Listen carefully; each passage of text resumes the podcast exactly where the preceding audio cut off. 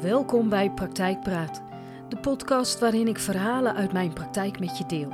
Een podcast waarin je veel informatie zult vinden over allerlei onderwerpen. Mijn naam is Angelique van der Wetering, therapeut, mindsetcoach en spreker. Mijn grote liefde heeft alles te maken met bewustzijn en mindset. Mensen bewust maken en in beweging brengen, dat is mijn grote passie. Ik heb het allermooiste vak van de hele wereld en ik neem je dan ook graag mee in de verhalen uit de praktijk. Een ouder zijn en opvoeden. Dat kan een uitdaging zijn. Je krijgt geen beschrijving bij de route, wat maakt dat we geven waar wij als ouders zelf in geloven en wat wij denken dat helpt. En dat laatste is meestal wat we zelf nodig zouden hebben. Je kind leren om voor zichzelf te zorgen begint bij het ontdekken van wie ze zijn. Daar hebben ze de ruimte voor nodig, soms met vallen en opstaan. De ruimte om te ontdekken hoe het leven voor hun werkt, wat ze nodig hebben om gezond te blijven, zowel lichamelijk als geestelijk. Elk kind is uniek. Respecteer hun eigenheid en moedig ze aan om te zijn wie ze zijn.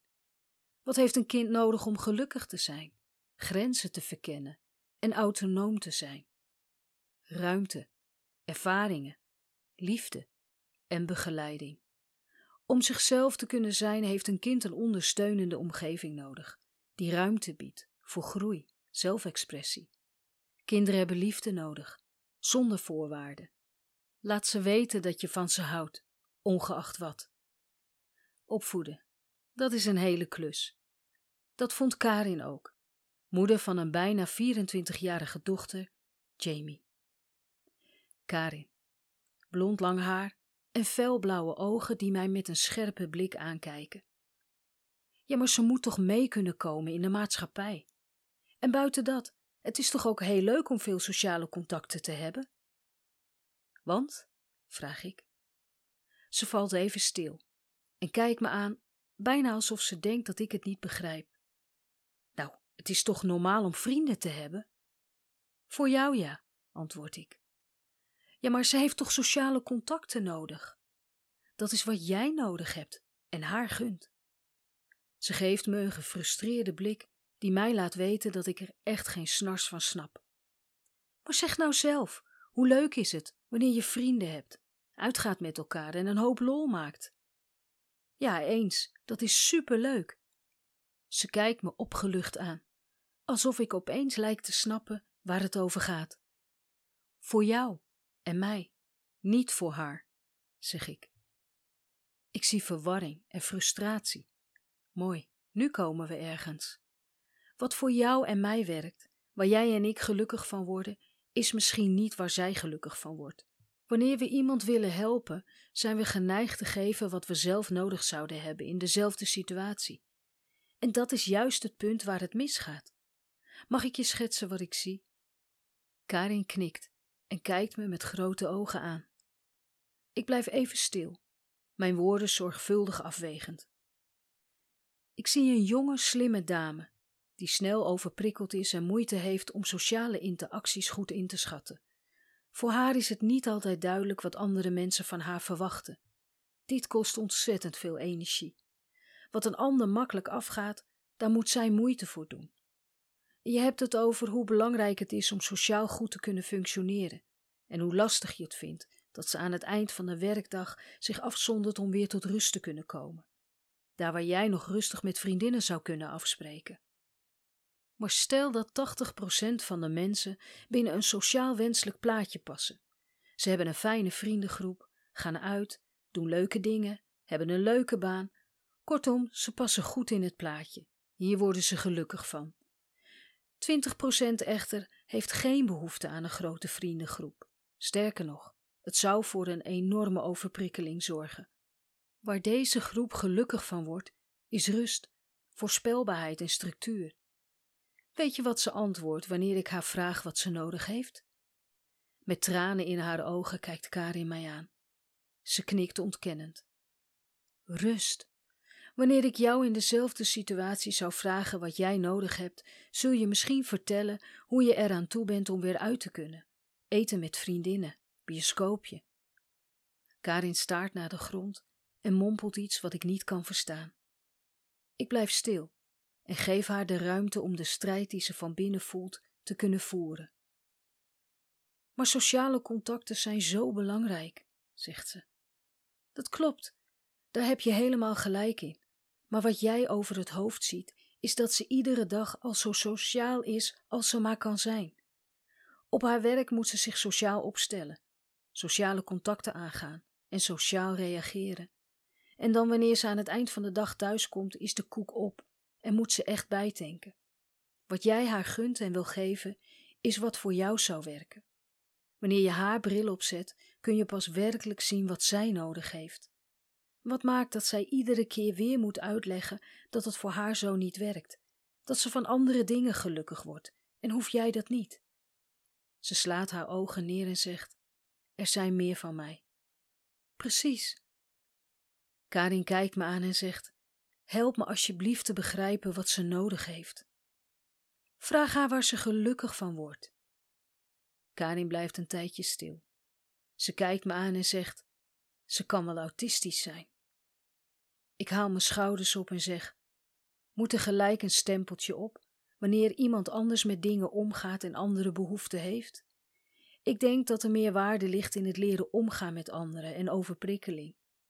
Weet je wat me opvalt wanneer ik met Jamie in gesprek ben? Dat ze het niet alleen moeilijk vindt om met anderen om te gaan, maar ook met haarzelf. En juist daar kunnen veel problemen uit voortkomen. Als je weet wie je bent en je weet wat je nodig hebt en belangrijk vindt, dan weet je ook beter hoe je je naar anderen kunt opstellen. Dit ben jij en daar mag een ander het dan mee doen.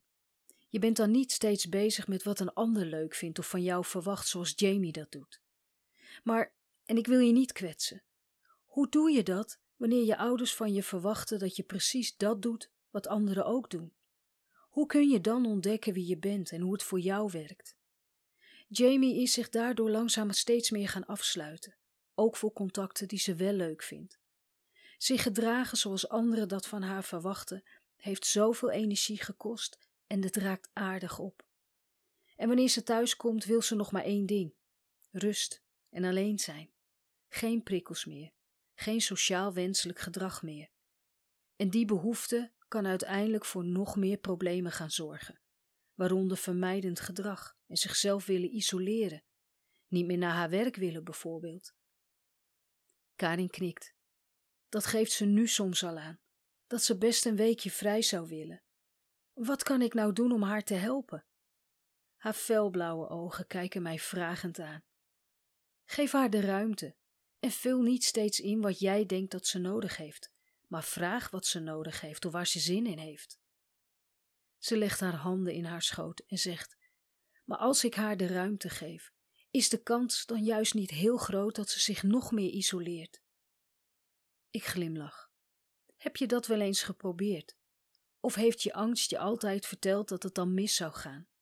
Als je haar de ruimte geeft, zeg je ook: Ik vertrouw erop dat je weet wat jij nu het meest nodig hebt. Pas dan gaat ze ervaren wat voor haar werkt en leert ze zelf daarover te beslissen. Praat met haar. Dat ga ik ook doen. Leg haar uit dat alles wat je haar gunt en geeft precies is wat jij nodig zou hebben en dat je bent gaan zien dat zij andere dingen nodig heeft om zichzelf te kunnen zijn. Er rolt een traan over haar wang. Mooi, zegt ze. Een week later zit Jamie tegenover mij. Haar wangen kleuren rood als ze zegt: Ik heb een goed gesprek met mama gehad. Ik weet niet wat er gebeurd is, maar ze lijkt me beter te begrijpen en dat doet wel wat met mij. Ze kijkt me aan en zegt: Ze gunt het me dat ik ga ontdekken wie ik ben en wat ik nodig heb, maar ik heb geen flauw idee hoe ik dit moet doen. Laat staan waar ik moet beginnen. Ik knik en glimlach. Hoe zou je willen dat je leven eruit ziet? Wat zou je dan wel doen en wat zou je dan niet doen? Ze denkt even na en zegt: Het eerste dat ik zou doen is minder werken. En dat is precies waar mijn moeder altijd fel op tegen is geweest. Ik ben nog een jonge meid en dan kun je gewoon fulltime werken. Ze slaat haar ogen neer en staart naar de grond. Ik hou het gewoon niet vol. Ze schudt haar hoofd. Maar ik begrijp niet goed wat het probleem is. Ik heb altijd hard gestudeerd en daardoor nu een hele goede baan. En dat maakt dat het financieel best een dagje minder kan. Dat zou mij zoveel rust opleveren. Ik wil graag op mezelf. En ook met een dag minder denk ik dat dat haalbaar is. Maar mijn ouders zien dat anders. Haar ogen vullen zich met tranen. Zij hebben een andere levensstandaard. Die hoef ik niet. Ze willen dat ik gelijk alles goed voor elkaar heb, zoals zij dat hebben. Maar voor mij hoeft dat niet. Ik heb andere wensen. Maar als ik denk aan een toekomst voor mezelf, dan vind ik dat behoorlijk eng. Al die verwachtingen waar ik dan aan moet voldoen. Als ik om me heen kijk, denk ik al gauw: laat maar. Soms weet ik heel goed wat ik zou willen, maar vaker niet. En dan vraag ik me steeds af: wat vind ik nou leuk? Ik heb geen idee eigenlijk. Ik begrijp dat wel. Misschien heb jij je altijd met anderen vergeleken en heb je geprobeerd te doen wat anderen doen om tot de ontdekking te komen dat het jou niet gelukkig maakt. Daarom is het zo belangrijk om jezelf te leren kennen. En dan hebben we het ook over grenzen. Je bent jong, maar al wel volwassen. Je bent verantwoordelijk voor je eigen geluk. Ook, maar misschien wel juist, wanneer anderen dat niet snappen. Wat heb jij nodig om het leven te leiden waar jij gelukkig van wordt? Wat heb je dan nodig om dicht bij jezelf te blijven? Niet iedereen, Jamie, wordt blij waar jij blij van wordt. Niet iedereen ziet wat jij ziet. En niet iedereen begrijpt waarom je doet wat je doet. Zolang jij het maar begrijpt. Zolang jij het maar ziet en zolang jij maar blij wordt van wat je doet. Mijn woorden maken veel los in Jamie. Maar het is zo moeilijk, het zijn mijn ouders. Dat snap ik, lieverd. Voor jezelf kiezen en jezelf daardoor leren kennen is niet eenvoudig. Zeker niet wanneer het je ouders betreft. Weet je, bij volwassen zijn hoort ook dat je dingen loslaat die jou niet gelukkig maken. Ook wanneer het je ouders wel gelukkig maakt. Ik vraag je niet je ouders los te laten, Jamie. Ik vraag je om het beeld dat zij hebben van jouw toekomst, het beeld van wie jij zou moeten zijn. Ik vraag je om dat los te laten.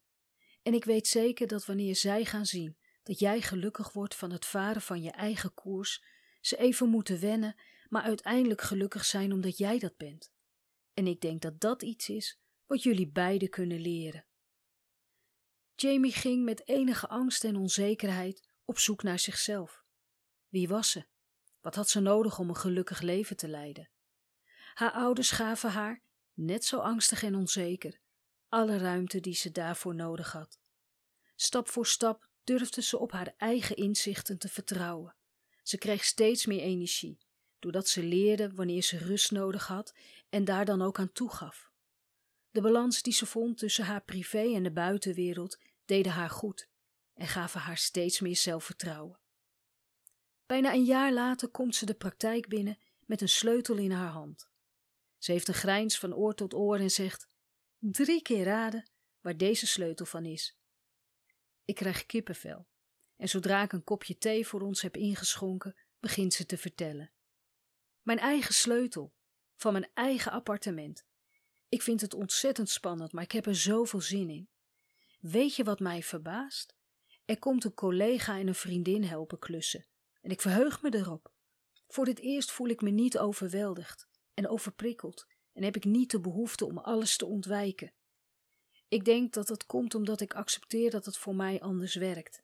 Ik heb andere dingen nodig dan de meeste mensen om me heen, en dat is oké.